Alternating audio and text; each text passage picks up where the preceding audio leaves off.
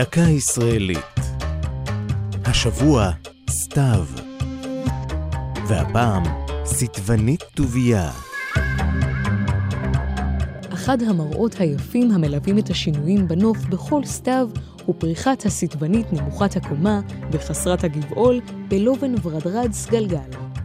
במדבר הארץ-ישראלי ובשוליו אפשר לראות סטבנית נדירה, בהירה ועדינה מהרגיל, שעליה שעירים. שמה סטבנית טוביה, על שם חוקר הטבע טוביה קושניר. קושניר נולד בירושלים ב-1923, וכנער התעניין מאוד בצמחיית ארצנו.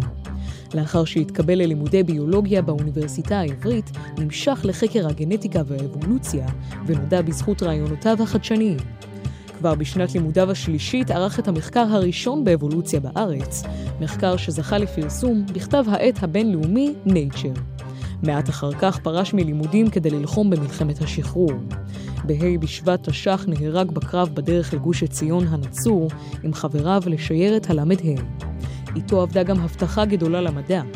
טוביה קושניר השאיר אחריו תגליות מגוונות, יסודות למחקר הצומח בארץ, ופרח אחד שנקרא בספרות המדעית הבינלאומית על שמו, סטבנית טוביה.